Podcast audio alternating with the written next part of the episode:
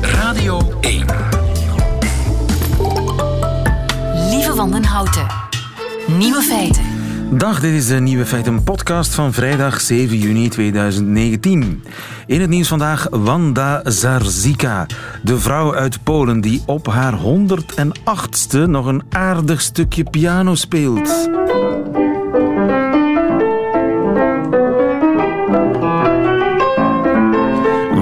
Wanda Zarzika, de 108-jarige Poolse pianiste, brak toen ze 80 was haar hand. Dokter zei toen...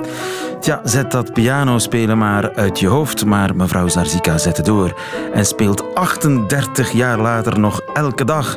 De kranige pianiste wijdt haar goede gezondheid aan haar toewijding aan God en aan de muziek. Way to go, Jan Houtekiet. De andere nieuwe feiten vandaag. De komende 11 jaar doet de zon het kalmer aan. Maar dat zal helaas geen invloed hebben op de opwarming van de aarde. In Denemarken zijn de Sociaaldemocraten niet vies van de derde weg. Herinner u de derde weg van Tony Blair? En Sander van Horen, NOS-correspondent in Brussel, is verbaasd dat onze regeringsvorming niet sneller vooruit gaat. De nieuwe feiten van Johan Terrein hoort u in zijn middagjournaal. Veel plezier.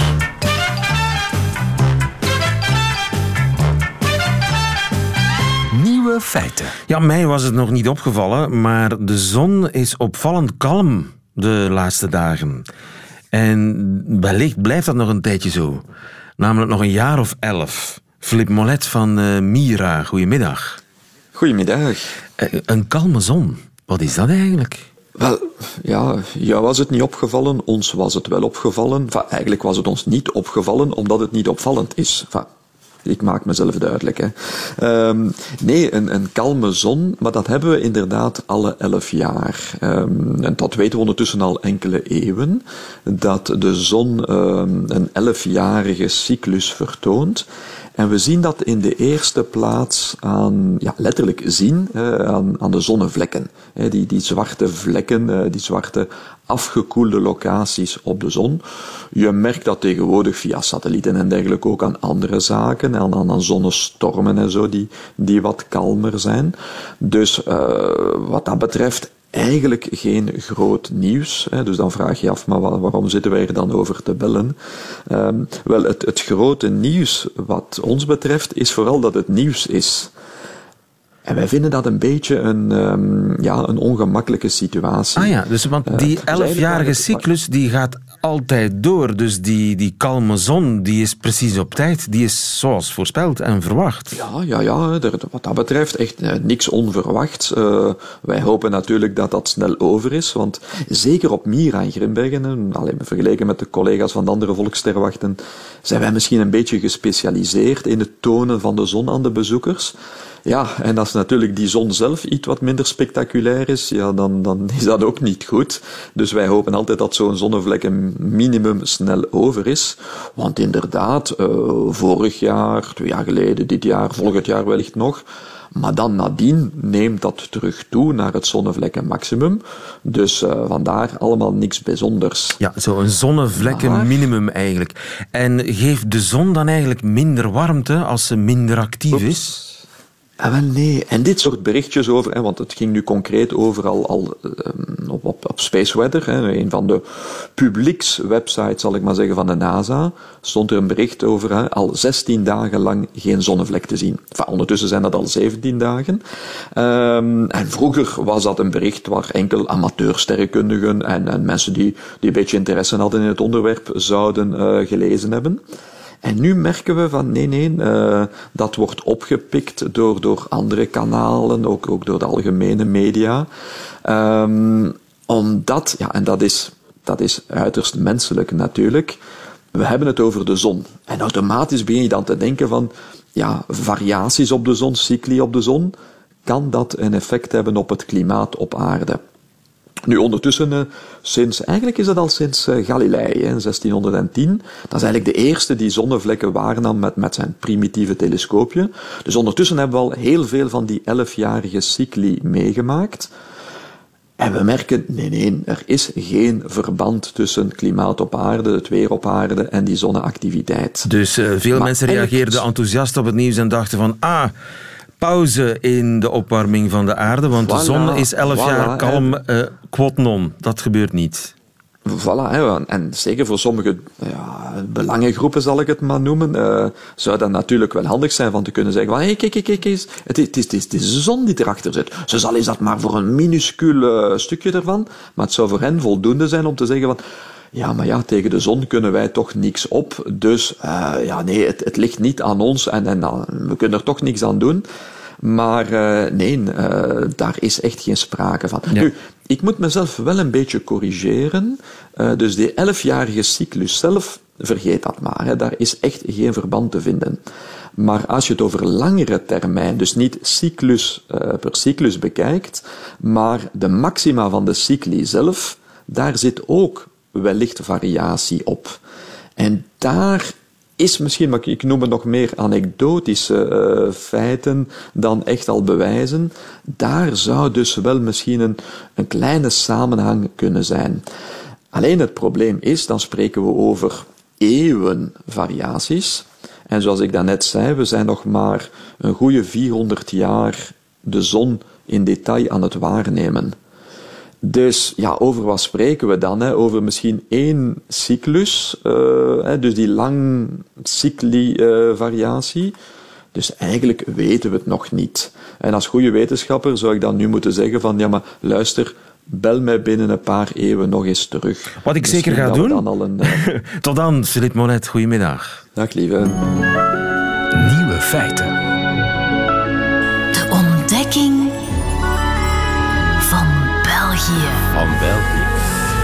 Meer bepaald door Sander van Horen. Sander van Horen, correspondent Brussel eh, van de NOS.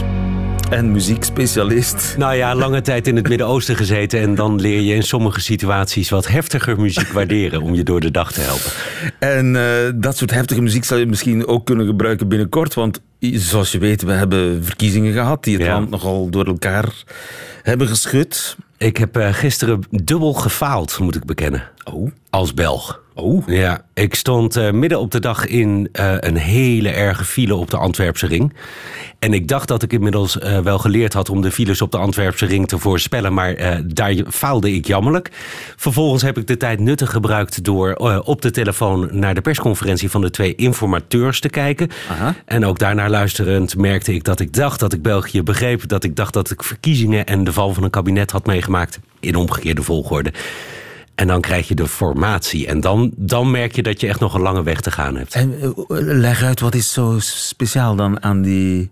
Uh, nou ja, ten eerste dat het uh, in twee talen gebeurt. Ja, dat verbaast niet meer. Maar ik blijf me dan altijd met een knipoog naar Ramstein afvragen... waarom zit daar niet iemand in het Duits te spreken? Want wist je dat jullie al informatie achter de rug hebben? Nee. Nou, de Duitse gemeenschap heeft inmiddels klaar. keurig een uh, regering. Was ja. mij ontgaan. Ja, precies, dat dacht ik al. Maar goed, even. Het, ja, goed, uh, jij faalt dus vandaag ook. Maar ja. dan, dan, dan, nee. Um, dat er dus um, de noodzaak is aan alle kanten. En dan wordt er, en ik ben daar natuurlijk als inmiddels ook EU-correspondent gevoelig voor, uh, echt heel erg naar Europa gekeken. In oktober moet er een begroting liggen. Uh, België ligt in de gevarenzone. De informateurs die vertellen dat ze met iedereen, ook het, uh, de, de, de werkgevers- en werknemersorganisaties hebben gesproken. En iedereen zegt, we kunnen niet lang formeren, want ook nog zoiets als de brexit zit op ons af te komen, ook in oktober. Dus oktober wordt dan wel zo'n deadline. Maar ga er maar aan staan. Ja. En uh, dat is toch precies wat die twee informateurs als boodschap brachten. Van het, het moet wel snel gaan en iedereen is daarvan bewust, zich daarvan bewust. Absoluut. Alleen, um, ik, nou ja goed, iedereen is daarvan bewust. Maar dat is nog geen garantie dat het gaat gebeuren. Want ik sprak uh, de afgelopen week een aantal mensen. En die zeiden ook van ja, uiteindelijk, als je kijkt naar stabiele meerderheden in het federale parlement. Ja, dan zullen N-VA en PS, met name Partij Socialisten, op een of andere manier met elkaar samen moeten. Met de liberalen erbij is dan de suggestie van die liberale politica die ik daarover sprak. Maar um, dat is inderdaad de enige die een beetje op een meerderheid kan regelen, rekenen met niet al te veel partijen. Maar dan krijg je dus de N-VA, die wil uh, uh, weer iets uh, confederaals regelen. Dan heb je de PS, die wil natuurlijk een sociale agenda die de N-VA te ver gaat. Dus ik zie de onderhandelingen al wel aankomen. Alleen, ja, ja als dat uiteindelijk is waar je eigenlijk volgens mij iedereen weet dat je daarop uit gaat komen. Dus wat jij hoort in de wandelgangen is één bepaalde regering die er sowieso zit aan te komen. Alleen moet het sowieso nog lang duren, want anders is het politiek niet verkoopbaar. Nou, en je hoort het zelfs nog niet in de wandelgangen. Het blijft een van de opties, maar het is nog niet de optie waarvan uh, iedereen ervan overtuigd is dat het daar naartoe gaat. Alleen het lijkt mij klaar als een klontje. Sowieso. Jij weet al welke regering we gaan nou krijgen. Ja, als je de twee grootste partijen aan beide kanten van de taalgrens neemt, uh, die ook nog wel. Ik bedoel, je krijgt dan gewoon uh, wat wij in Nederland een paarse regering noemen. Ja, hier wordt hij dan met de VLD erbij, wordt hij vandaag in de standaard de Bourgondische regering genoemd. Ik vind het mooi. En alleen al om dat woord moet je voor die coalitie gaan. Maar uh, ja, nee, daar, daar is dus nog niet iedereen van overtuigd. Oh, zelfs het ervan overtuigd raken dat dat het proces is waar je naartoe moet gaan werken. Ja? Zelfs dat heeft tijd nodig. Maar welke regering wordt het dan? Die Bourgondische, volgens jou? Ik denk het wel. Ja, want kijk, het is ook de enige. Uh, dan, dan, dan is er veel uh, praten nodig. Maar het is de enige die, en dat was het tweede, wat ik gewoon van tevoren nog niet bedacht had. maar wat in die persconferentie als een soort fait accompli werd gepresenteerd. Je hebt rekening te houden met de uh, meerdere, of met de coalitievorming in het Waalse en in het Vlaamse parlement. En met name in het Vlaamse parlement. Nou, die gevoeligheid, hij staat nergens zwart op wit. Ik snap dat het nodig is. Alleen ja, dat maakt het heel erg ingewikkeld. En dan krijg je iets heel on-Nederlands. Sowieso, wij formeren niet meerdere kabinetten tegelijkertijd... die ook nog eens neven geschikt zijn in macht en kracht. Uh, maar dat dus uh, de Vlaamse formateur, hè, Bart de Wever... gevraagd wordt even rustig aan te doen... om te wachten hoe het federaal formatieproces loopt. Ja... Oh man. Welkom in België. Welkom in België. En dan, dan toch ook nog wel, want uh, wij in Nederland uh, hebben natuurlijk ook aandacht voor de winst van het uh, Vlaams Belang en het cordon sanitair. Ja, ja ik, ik hoorde jou daarover bezig op de Nederlandse televisie. Ja, precies. En ik vond het wel heel ja, to the point hoe gisteren een van de informateurs, Johan van der Lanotte, uh, zei dat er daar niet mee gepraat wordt. We hebben gesproken met partijen die in die zin nuttig zijn. Als men vaststelt dat heel wat partijen niet uh, willen samenwerken met het Vlaams Belang, heeft het niet veel nut om daar lang mee bezig te zijn. Zo simpel is dat. Dat is toch common sense, nee? Dat is common sense. We zijn geen gezelligheidsclub, uh, sprak er een beetje uit. We voeren geen protocolaire gesprekken. Met andere woorden, gesprekken om de gesprekken te voeren. Dat heeft de koning wel gedaan. Maar ja, de koning heeft het cordon sanitair. Maar jij had het wel verwacht, dat gesprek? Um, ik had verwacht dat ze er iets langer mee door zouden gaan. Omdat het wel gewoon een serieuze partij is. Maar ja, dat cordon dat houdt gewoon toch stand. Dat is denk ik de conclusie die je nu al kunt ja. trekken. En uh, in Nederland is er veel interesse voor de heropstanding van het Vlaams Belang. Zeker. Ben jij erachter gekomen? Ben je op zoek gegaan naar de kiezer? Nou ja, ik ben op zoek gegaan naar de kiezer. Uh, niet in Ninove, waar ze heel groot waren. Maar ik heb rond Forza Ninove heb ik al naar de gemeente... Ninove. Sorry hoor. Ja. Ninove. Oké. Okay. Sander. Uh, Ninove heb ik al een reportage gemaakt. En nu ben ik in Gerardsbergen. Gerardsbergen. Ik deed deze expres, lieve van Houten, maar bedankt voor het happen. Uh, ben ik geweest. En daar zeiden uh, eigenlijk alle mensen... ik wil niet racistisch zijn, maar... zo begint elk gesprek ongeveer...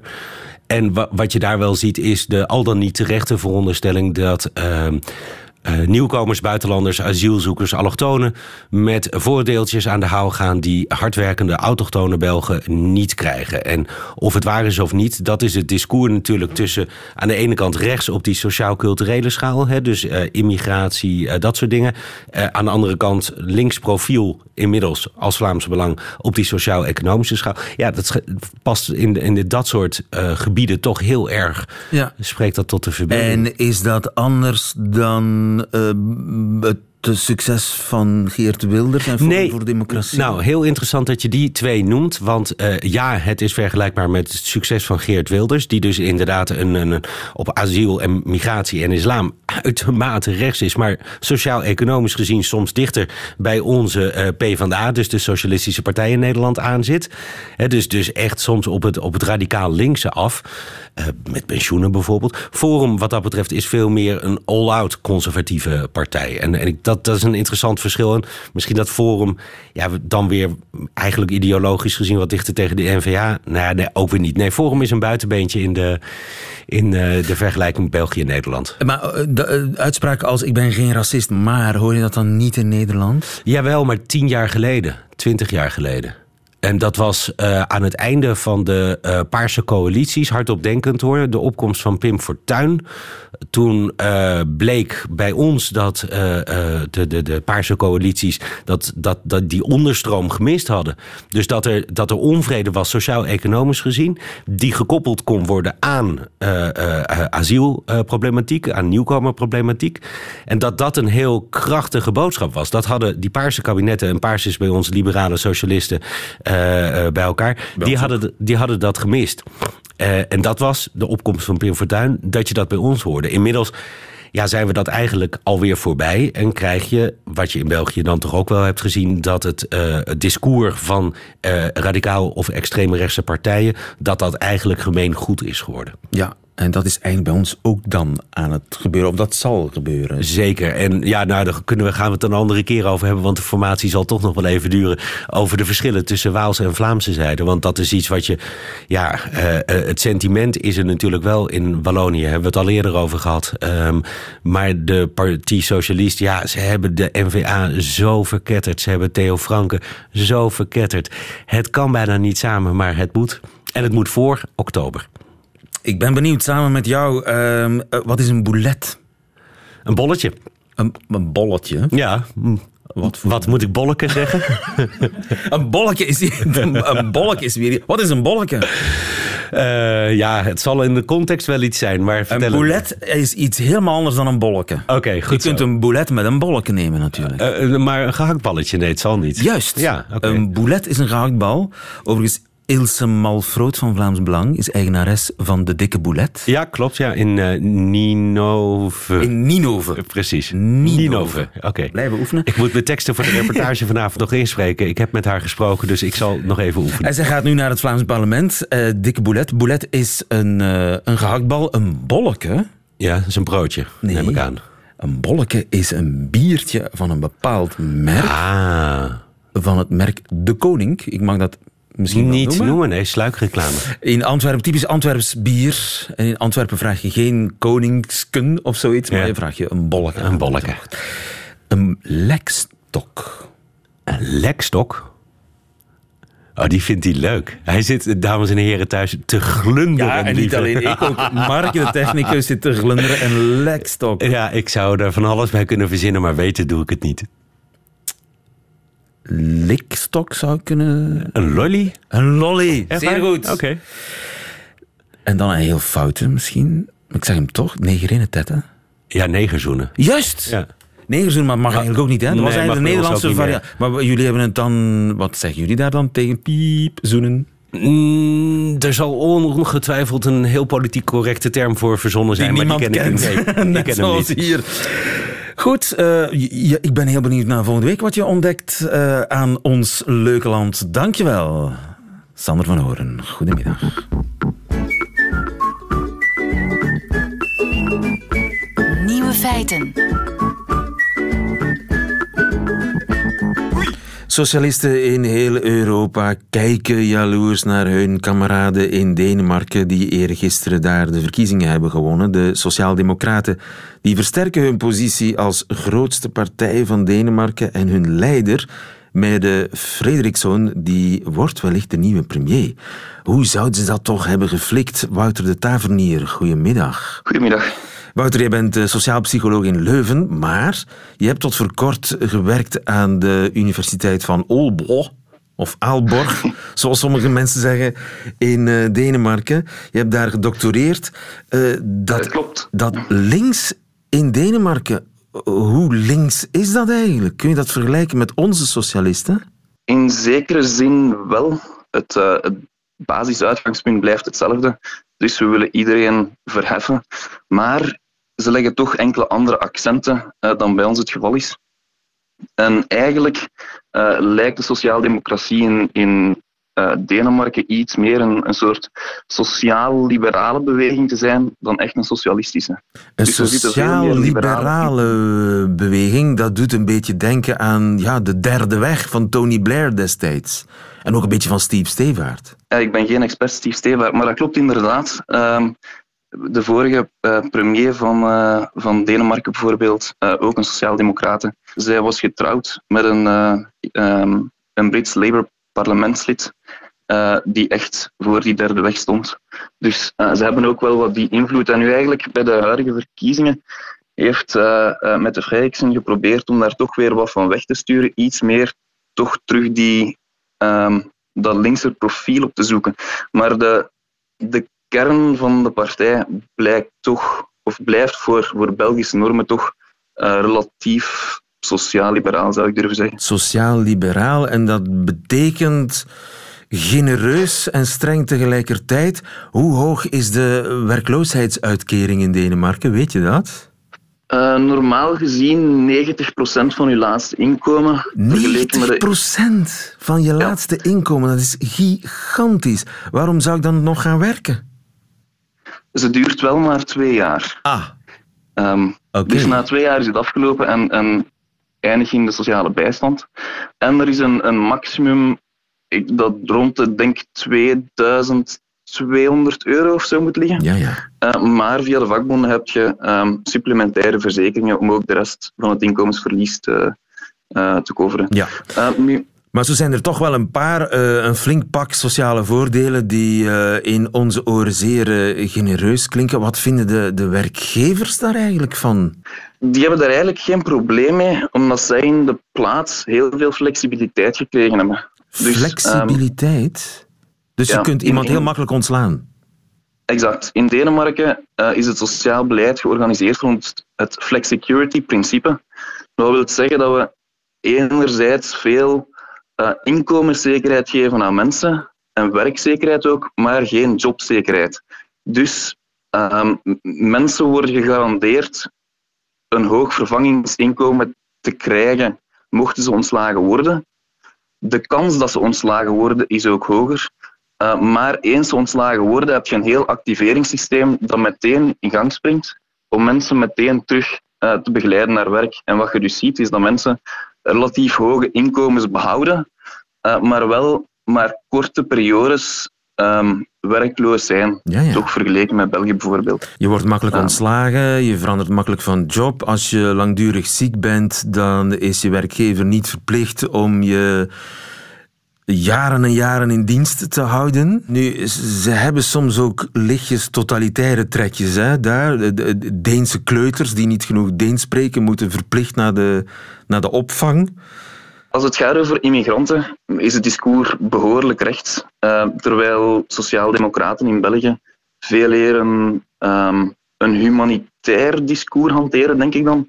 Uh, een menselijk discours. Uh, wordt ook binnen de sociaaldemocratie in Denemarken migratie eigenlijk als een behoorlijk groot probleem gezien. en is het, het leven van immigranten aangenaam maken zeker geen, geen prioriteit. Ja, maar ja, het kadert eigenlijk in dezelfde filosofie. Hè. Het is uh, genereus, dat systeem, maar het is heel erg gebaseerd op voor wat hoort wat. Wie denkt daarvan uh, van te kunnen profiteren, alleen de lusten en niet de lasten uh, te kunnen genieten, die komt bedrogen uit. Ja, dat klopt. En ze hebben een, een aantal grote maatschappelijke discussies gehad in Denemarken over de laatste jaren van een aantal, dat waren dan wel Denen. Um, maar die vonden dat een, een uitkering in de sociale bijstand, um, het Deense leefloon zeg maar, dat dat voor hen voldoende was om van te leven en dat zij geen reden zagen om effectief naar werk op zoek te gaan. En dan was de vraag, wat moeten we met die mensen doen? En ook de Sociaaldemocraten bijvoorbeeld waren daar redelijk verdeeld over. Uh, moeten we mensen in het leefloon ook kunnen straffen om al dan niet actief op zoek te gaan naar werk. En voor immigranten speelt inderdaad die, uh, diezelfde overweging, in zekere zin, zou je kunnen zeggen.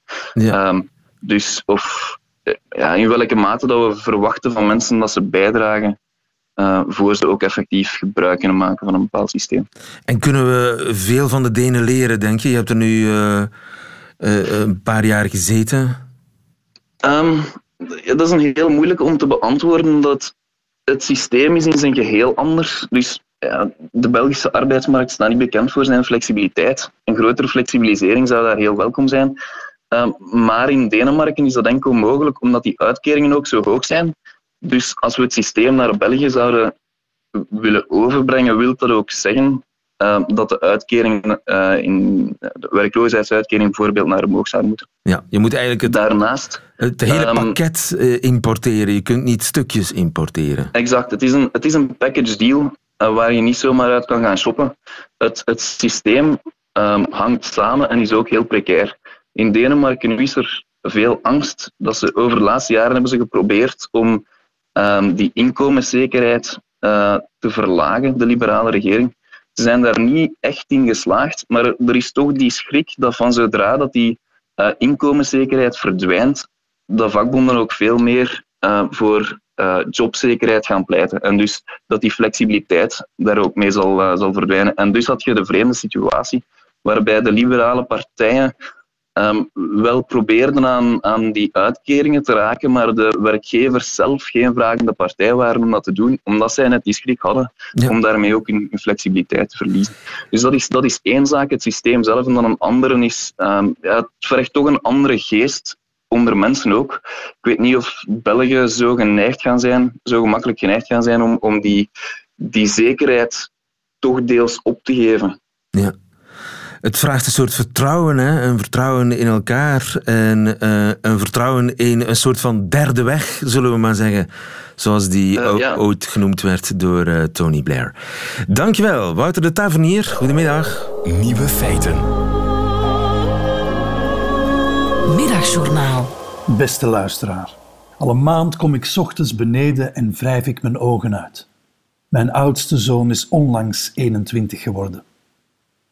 Hier laat ik even een stilte vallen, want ik spreek dit uit en luister tegelijk vol verbazing naar mezelf. 21.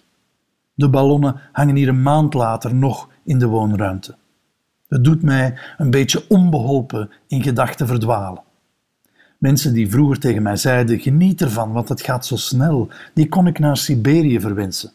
Intussen moet ik ze ootmoedig gelijk geven. Ik zal zelfs meer zeggen: het gaat pokkensnel. Zo snel dat ik de slingers niet meer durf weg te nemen, alsof ik de tijd daarmee stop kan zetten. Mijn zoon wil leerkracht worden in het middelbaar onderwijs. Ik bewonder hem daar immens voor, want de tijd dat iedereen braaf opkeek naar kennis en expertise lijkt soms al stof voor geschiedenisboeken. Gelijk krijgen lijkt intussen belangrijker geworden dan begrijpen.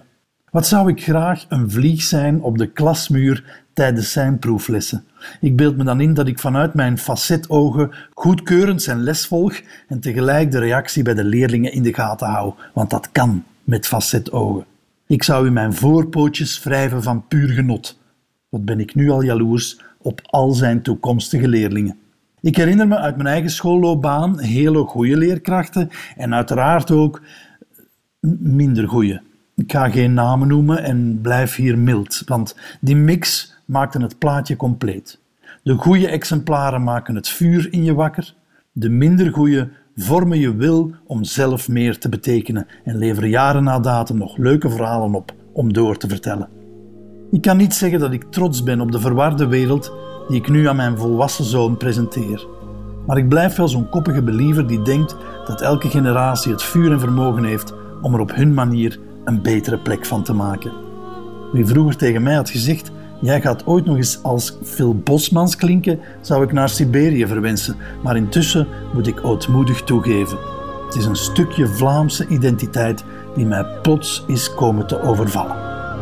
Hier laat ik even een betekenisvolle stilte. Een gelukkige 21ste, mijn zoon. Die slingers laat ik nog even hangen, als je dat goed vindt.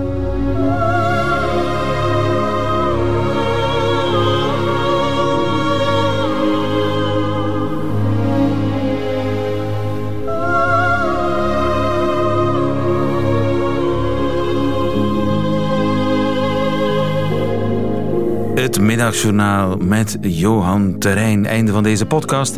Maar u vindt er nog veel meer op radio1.be en op de podcastkanalen. En hoort u liever de volledige versie van Nieuwe Feiten met alles erop en eraan, ook met de muziek, dan kunt u terecht op de Radio 1 app. Tot volgende keer.